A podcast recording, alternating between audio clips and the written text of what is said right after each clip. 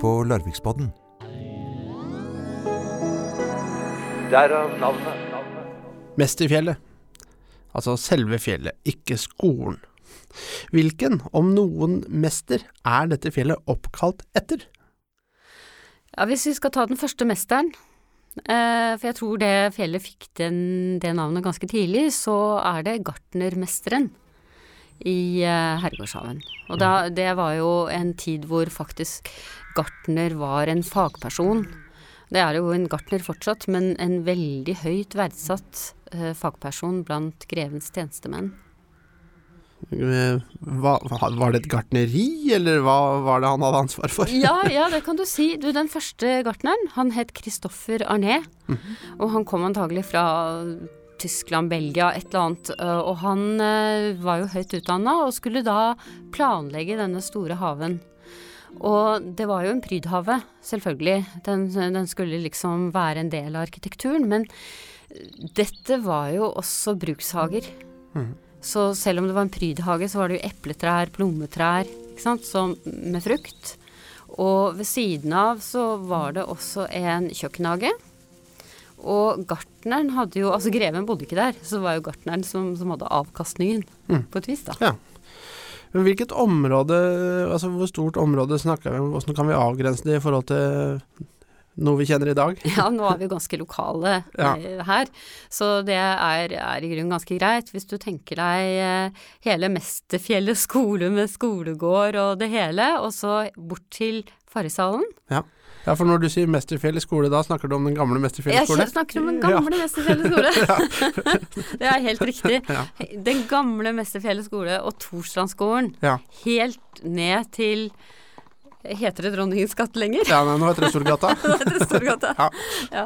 Eh, og, og du kan ta med deg hele Farrishallen. Mm. Der hvor Farrishallen lå, der lå faktisk grønnsakhagen. Ja.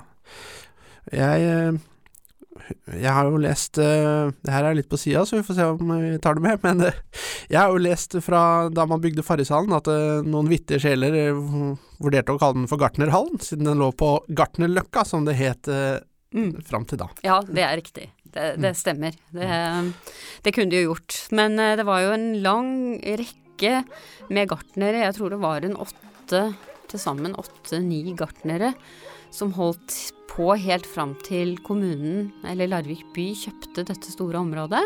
Og fortsatte med hagen som park. Ja. Og da ble det også ansatt gartner som het Bøhm. Mm. Og han hadde gartneri. Nå, Han drev et, et gartneri. og, når eh, snakker vi om da? Ja, da, da snakker vi eh, 1830-årene, 1820-30-40-årene. Hva slags eh, vekster var man hadde i en hage i, tilbake i, i grevens tid? Ja, eh, 1600-1700-tallet. Eh, de var faktisk utrolig varierte. Eh, det var eh, veldig mye frukt og bær, selvfølgelig. Bærbusker, rips, kirsebærtrær. Umåtelig populært. Eh, men ved siden av det så var det jo grønnsaker. Mm. Eh, og det var eh, løk, det var for, for ulike typer neper. Eh, potetene, ikke sant, de kom jo eh, ikke så tidlig, da. De er jo kjent fra andre halvdel av 1700-tallet. Og jeg vet at det var, ble dyrka poteter i herregårdene ganske tidlig. Men det å forsyne seg av grevens skog, det var eh, noe som ble, kunne bli straffa relativt hardt. Eh, jeg går ut fra at det var mye som frista for eh, innbyggerne i grønnsakshagen også, holdt jeg på å si. Vet man noe om noen som har forsynt seg, og hvilke konsekvenser det eventuelt har fått? Ja, faktisk så finnes det en rettssak mm -hmm. med en stakkars håndverker som Han var svensk, og han var ansatt av greven for å drive med litt eh, eh, forskjellig arbeid i hagen, og dette var søndag. Eh, og sammen da med en kompis så snek han seg inn i hagen for å hente noe han hadde glemt. Og så ble, de, ble han da observert når han kom ut, ved at lommene hans, ikke sant, de står og buler. Eh, så da har han tatt med seg pærer, da. Ja. Og det var jo klart at eh, grunnen til at dette ble da straffeforfulgt, det var jo at eh, det var en søndag, midt i kirketida. eh, hvor dette her hadde skjedd. Og ellers så er det klart, altså hele denne haven var omgitt av et høyt gjerde. Ja. Så det var ikke enkelt å komme inn i den hagen. Da måtte du klatre over et to meter høyt gjerde og hekker. Mm. Så, så det, det, var ikke så enkelt å gå på slang der, og det eneste stedet hvor man egentlig kunne se inn i hagen, det var eh, nede i det som nå heter Storgata, og porten. Så kunne man liksom se, Ja. se opp i hagen, da. Så det var ikke noe han brukte for å flotte seg overfor innbyggerne her, da? Eh, altså, en hage hørte til, til arkitekturen. Ja. Og så kunne du jo se den hagen faktisk fra Mesterfjellet, da. Ja, det er klart. Og det, det vet vi at man kunne klatre opp, og da fikk du jo utsynet utover den haven. Mm. Og så var det jo da selvfølgelig når man hadde besøk. Men som jeg sa til deg, det var en brukshage, og det ble sendt frukt, for eksempel. Det ble dyrka ferskner der. Eh, Ble sendt til København. Eh, hvis man skulle eksempel besøke folket på Jarlsberg, så hadde man som regel med en stor kurv med frukt. Til og med ananas. Eh, I 1770-årene så forsøkte de å dyrke ananas. Men ble, eh, var det her mat for, eh, for noen som, som bodde der? Altså bortsett fra gartneren, da? Selv om Ja, ja, ja, det gjorde det jo. Det bodde jo flere, flere familier der som, eh, som hadde kontorer, og der bodde amtsforvalteren. eh, og der bodde også en vaktmester, og de kunne jo De hadde jo sine egne hager. Det var jo ikke bare Grevenshavet, det var flere hager. Eh, og så kunne jo også gartneren selv kunne jo omsette det som da ikke ble sendt til Danmark, og som han ikke brukte selv, det kunne jo han selge. Mm. Som en del av sine inntekter. Så en gartner på slutten av 1700-tallet, det, det er en litt annen eh, person og et litt annet yrke enn en gartner i dag, kanskje? Ja, du kan godt si det. Altså en gartner på, av, av denne kaliberen som vi har her, han kunne også anlegge en hage.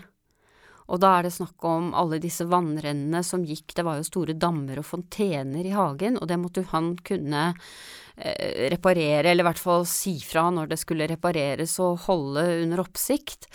Og han, han skulle også planlegge hagen, bestille planter utenfra. Vi vet fra skiftene eh, altså etter at disse gartnerne døde, så finner vi jo litteratur.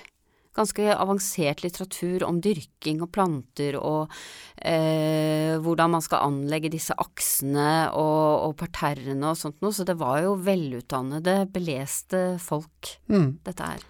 Var det her da såpass uh, at uh, greven holdt på å si, hadde, et, hadde et slags forhold til denne personen? Altså, Ja, Ja. eh, til flere av dem, ja, så hadde han absolutt det. Og, og de, du kan si, det var jo spennende, fordi de tok jo inn planter til landet, sånn som vi ikke skal gjøre i dag, da ta med oss planter utenfra, fra utlandet. Men det gjorde jo de, nettopp for å eksperimentere og prøve seg fram. Hva var det som kunne overleve i norsk klima? Så det er ganske mange sånne sørgelige brev hvor de river seg i hodet, ikke sant, og har forsøkt seg med plantesorter som da ikke de klarer å få til å vokse i Norge. Og det bygges orangeri hvor de kan oppbevares, busker og Orangeri, det var et nytt begrep for meg. akkurat. Et, et veksthus, altså det er et sted hvor du f.eks. kan oppbevare appelsintrær, laurbærtrær, oliventrær om vinteren. Mm. Sånn at det fyres opp med ovner, da, sånn at de, de kan overvintre. Og det var jo et skikkelig eksperiment i Larvik, altså. Men det vil jo også da kanskje bety at vi i Larvik har planter som de som klarte seg, da, har blitt importert og spredd seg i Nettopp. Larvik. Og det var det jeg skulle si, altså denne gartneren var jo en del av bysamfunnet. Mm. Han var ute i byen, og, og han øh, delte trolig med seg, eller man kunne få kjøpt øh, kanskje frø. Det der vet vi egentlig ganske lite om, men i og med at det er en så stabil tradisjon, fra 1600-tallet helt opp til 1800-tallet, så er jeg ganske sikker på at disse gartnerne har betydd ganske mye for folk som har bodd i Larvik. At de har lært og sett Ansvarlig for podkasten er Foreningen Ropert. Og du hørte Kjetil Wold i samtale med konservator Aina Aske fra Larvik museum. Opptak og lyddesign Geir Atle Johnsen. Følg oss gjerne på Facebook, Larvikspodden Ropert eller Vi350. Du finner også Larvikspodden på Instagram. Produsent Virvel AS.